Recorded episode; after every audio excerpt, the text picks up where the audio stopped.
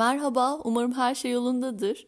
Bu bölüm bir aydır bekliyor. Editlemek, düzenlemek zaman aldı biraz. Bu bölümde düşünce deneylerinden bahsedeceğim. Tabii ki hepsinden bahsetmem pek mümkün değil ama böyle içinde fizik, matematik, iktisat, felsefe olan ilgi çekici e, düşünce deneyleri var. Önce deney ne demek? Düşünce deneyi ne demek? Ve bunlardan benim ilgimi çekenler hangileri? Bunlardan bahsetmek istiyorum. Bu arada ben düşünce deneyi demezdim. Ya bunlar de, düşünce ve deney yan yana çok konulabilen şeyler değil.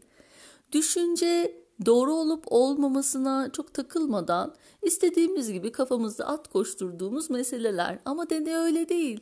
Çok somut, materyalist, gerçeklik dolu bir şey deney. O yüzden yani düşünce ve deneyi çok yan yana getiremiyorum ben. Bu bir aşamanın, bir akışın göstergesi. Oysa ben düşünce deneyi yerine alengirli felsefi sorular derdim buna. Tabii benim böyle söylemem bir şeyleri değiştirmiyor. İnternette hep düşünce deneyi olarak geçiyor. Birazdan bahsedeceğim örnekler. Her neyse ben artık başlayayım düşünce deneylerine. İlk bahsedeceğim düşünce deneyi Theseus'un gemisi. Theseus mitolojik bir karakter, belki de gerçektir bir kral. O kadar çok savaşa giriyor ki Theseus. Gemisi harap durumda. Ben bu geminin bazı parçalarını yenileyim diyor. E, yeni parçalar takmaya başlıyor eskileri çıkarıp. İşte o kadar çok yeni parça takıyor ki eskiler bayağı bir birikiyor kenarda. Sonra bakıyor o parçaları, eski parçalara. Diyor ki ben bu eskilerden yeni bir gemi daha yaparım. Sonra yapıyor o gemiyi de. E, soru geliyor. Acaba hangisi Theseus'un yeni gemisi, hangisi eski gemisi? Aslında burada örtük bir soru var. O da şu. Bütün kendini oluşturan parçaların toplumundan farklı bir şey midir? Örneğin Herakleitos diyor ki bu gemi yola çıktığı andan itibaren Theseus'un eski gemisi değildi zaten diyor. Her şey değişir, her şey akar, her şey farklılaşır düşüncesi. Aristoteles ise değişik bir yorum katıyor. Diyor ki işte bu geminin üstünden bütün parçaları çıkarsak bile bu Theseus'un eski gemisidir. Neden? Çünkü geminin taşıdığı bir tin vardır, bir ruh vardır, bir niyet vardır. Ham maddelerden bağımsızdır. Evet oldukça ilginç bir yorum bence ve ben Aristo'nun yorumunu daha çok beğendim. Kendisinden çok haz etmememe rağmen. Herakleitos demişken ki ben çok severim Herakleitos'u. Buna gıcık biri vardır Zenon diye. Zenon da paradokslarıyla ünlüdür. Gerçi günümüzde çok paradoksal bir tarafı kalmadı onun düşüncelerinin. Birçok matematiksel modellemeyle modern kalkülüsün yani analizin temelini oluşturacak düşüncelerdir. Bunlar sonsuza yakınsama, seriler, limitler, dizilerle bizim hayatımızda şu anda modern matematiğe girmiş durumda. Ama yine de paradoks olarak biliniyor çoğunlukla. Biz de öyle devam edelim. Zenon Herakleitos'un tersine her şeyin akışta ve hareket halinde olduğunu tartışmalı bulduğunu söyler. Şöyle ki A kentinden B kentine gitmek istiyoruz ya, bir mesafe almak istiyoruz ya. O mesafenin hep birim birim yarısına bölüneceğini ve asla A'dan B'ye gidemeyeceğimizi söyler. Tabi bu çok teorik bir matematik, çok hatta teorik fizik diyebiliriz. Ancak gerçekte hareket diye bir şeyin, daha doğrusu sayılar dünyasında olmadığını söyler. İşte burada sayılar teorisiyle ölçülebilen mesafeler arasında bir çıkmaz meydana geliyor. Nasıl mı? Bir mesafeyi ölçüyoruz. Tabii onun içerisinde sayılar var. Ancak sayılar kendi içerisinde sonsuz büyüklüklere sahip. Mesela 1 ile 2 arasına sonsuz sayıda ondalık sayı yerleştirebilirsiniz örneğin. Ama 1 ve 2 var mıdır? Vardır. Dolayısıyla bizim ölçtüğümüz mesafe de kendi içinde sonsuz büyüklükteki parçalara ayrılabilir. O nedenle bizim gördüğümüz ölçtüğümüz mesafelerle sayılar teorisi bambaşka yerlerdedir. Yalnız bu paradoksu ok paradoksuyla karıştırmamak gerekir. Zenon'un birçok paradoksu var. Aslında hepsi de hareketi eleştiren paradokslar. E birazcık da kendilerini eğlendiren paradokslar gibi geliyor ama çok güzel şeylere öncülük etmişler. Her neyse ok paradoksu bambaşka beyin yakıcı bir şey. İşte bir ok hareket ediyorsa olduğu yerde değildir. O yüzden işte hareket edemez. Olmadığı yerdeyse de hareket etmiyor demektir falan. Böyle tuhaf bir şey. Onu zaten hiç anlamadım. Ama bu az önce bahsettiğim A biriminden B birimine giderken kat edilen yolun yarısının yarısına bölünmesi e, Aşil ve Kaplumbağa paradoksu olarak da biliniyor. İlginizi çekerse şöyle bir bakarsınız. Şimdi yavaş yavaş düşünce deneylerinin ağır toplarına gelelim. Onlardan birisi de Schrödinger'in kedisi. Tabii görece popüler bir fenomen. Gerçek bir düşünce deneyi çünkü. İçinde hayali bir deney düzeneği var. Fakat gerçek deneylere karşı bir eleştiri de içeriyor. Ben öncelikle Erwin Schrödinger'den bahsetmek istiyorum. Bu adam kimdir, neden böyle bir düşünce ortaya atmıştır bir bakalım. Schrödinger bir fizikçi, aynı zamanda bilim teorisyeni, hatta Nobel ödülü var. İngiliz matematikçi Paul Dirac'la beraber bir atomla ilgili bir işleyiş keşfediyorlar. Yeni bir model ortaya atıyorlar ve Nobel kazanıyorlar. Bunun içeriğini çok açıklayamıyorum. Ben de çok anlamadım. Daha doğrusu çok da araştırmadım. Ben Schrödinger'in kedisi gibi popüler bilimle ilgileniyorum. Bu düzeydeyim biliyorsunuz. Her neyse bu Schrödinger Viyanalı. Babası muşamba masa örtüsü imalatçısı ve bir botanikçi. Bu arada ben geçen gün yazlığa gittim ve orada bütün marketleri aradım. Muşamba masa örtüsü yok biliyor musunuz? Sofra örtüsü falan var ama muşamba masa örtüsü bulamadım ya. Ne kadar böyle nadir bir bulunan bir değermiş kendisi. Bu zaman anladım. O yüzden babasına saygı duyuyorum ve böyle ayrıntılı bir bilgi verdikleri için bilim tarihçilerine teşekkür ediyorum. Bu Schrödinger biraz tutarsız zaten. Nazi Almanyası döneminde Graz Üniversitesi'nde görev yapıyor bu. E bir Nazi karşıtı oluyor, bir Nazi yanlısı oluyor, bir tuhaf. E zaten Nazi Almanyası bile tüm o tuhaflığa rağmen buna yine tekinsiz gözlerle bakıyor ve bunun görevine son veriyor. Hadi sen bir uzaklaş diyor buna. Bu da 1938 yılında İtalya'ya göç ediyor. Gerçi bu kedi fenomeni çok daha or- önce ortaya atılmış ama şöyle benim ilgimi çeken Watson Crick diye iki tane bilim insanı var. Bunlar DNA sarmalını buluyorlar. Bunu bulmadan önce bizzat Schrödinger'in kitabından faydalandıklarını söylüyorlar. Bu kitapta enteresan bir şekilde hayatın genetik bir şifreden, genetik bir düzenden ortaya çıktığını ve hayatın kodlarının bu genetik e, şifre üzerinden aktarıldığını düşünüyor. Watson Cricket de aslında ilham veren bir kitabın sahibi. Kitabın adı bu arada 1944'te yayınladı Hayat Nedir kitabı. Yani değişik biri.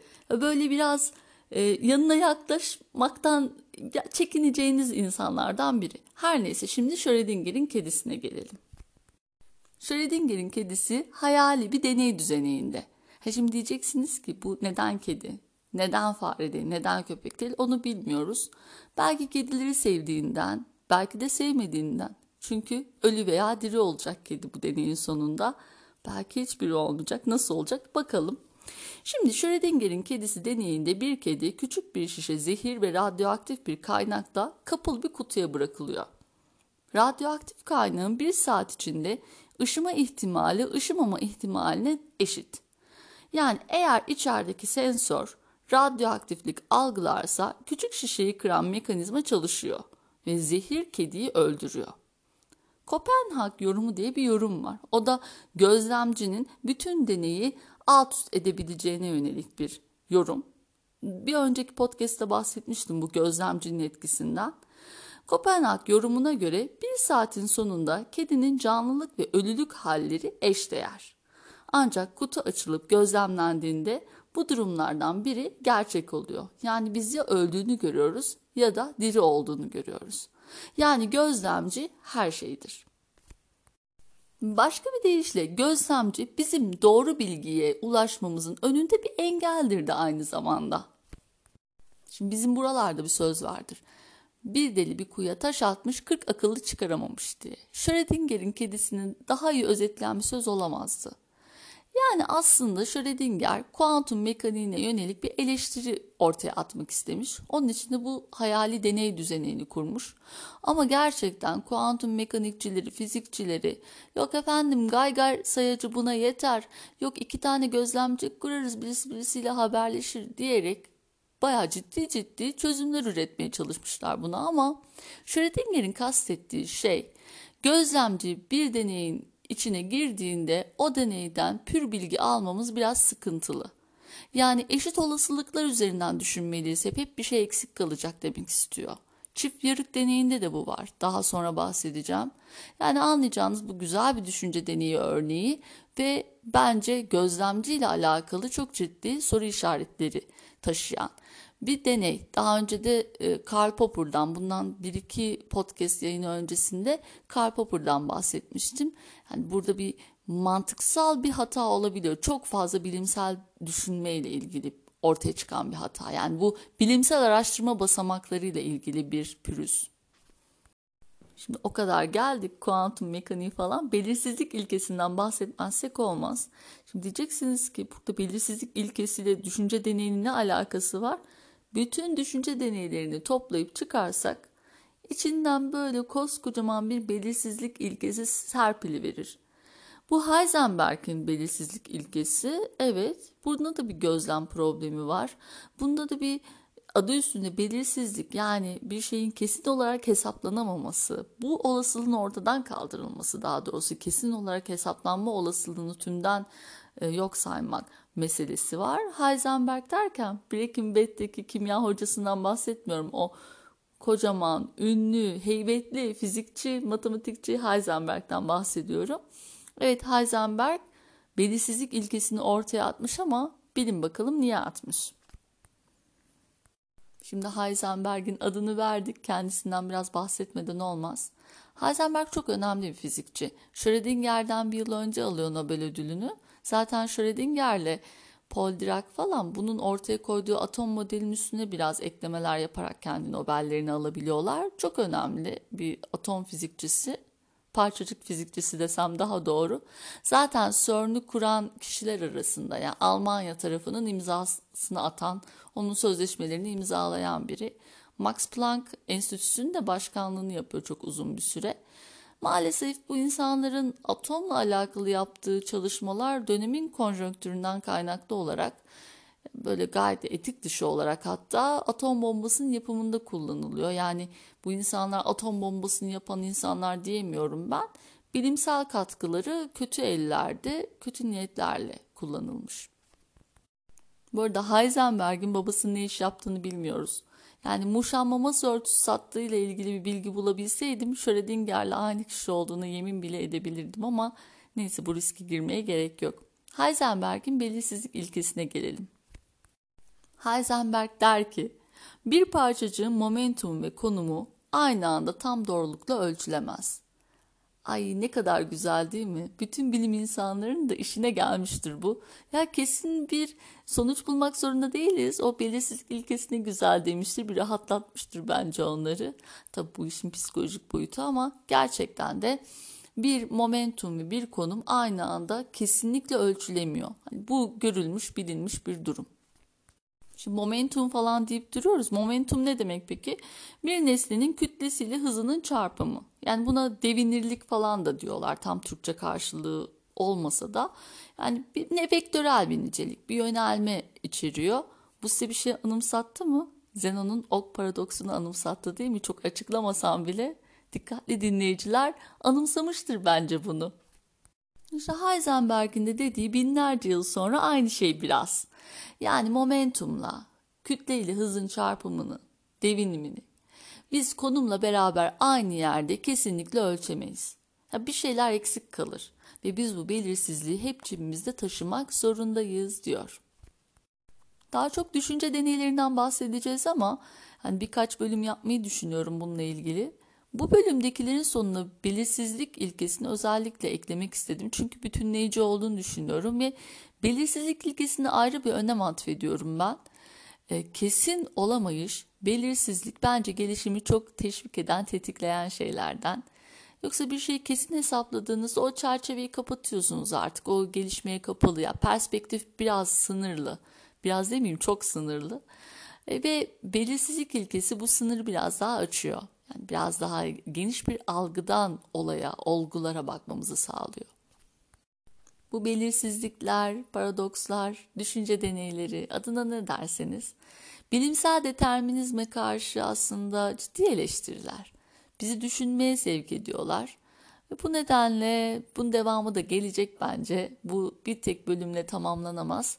O yüzden bir sonraki bölüme kadar kendinize iyi bakın. Hoşçakalın.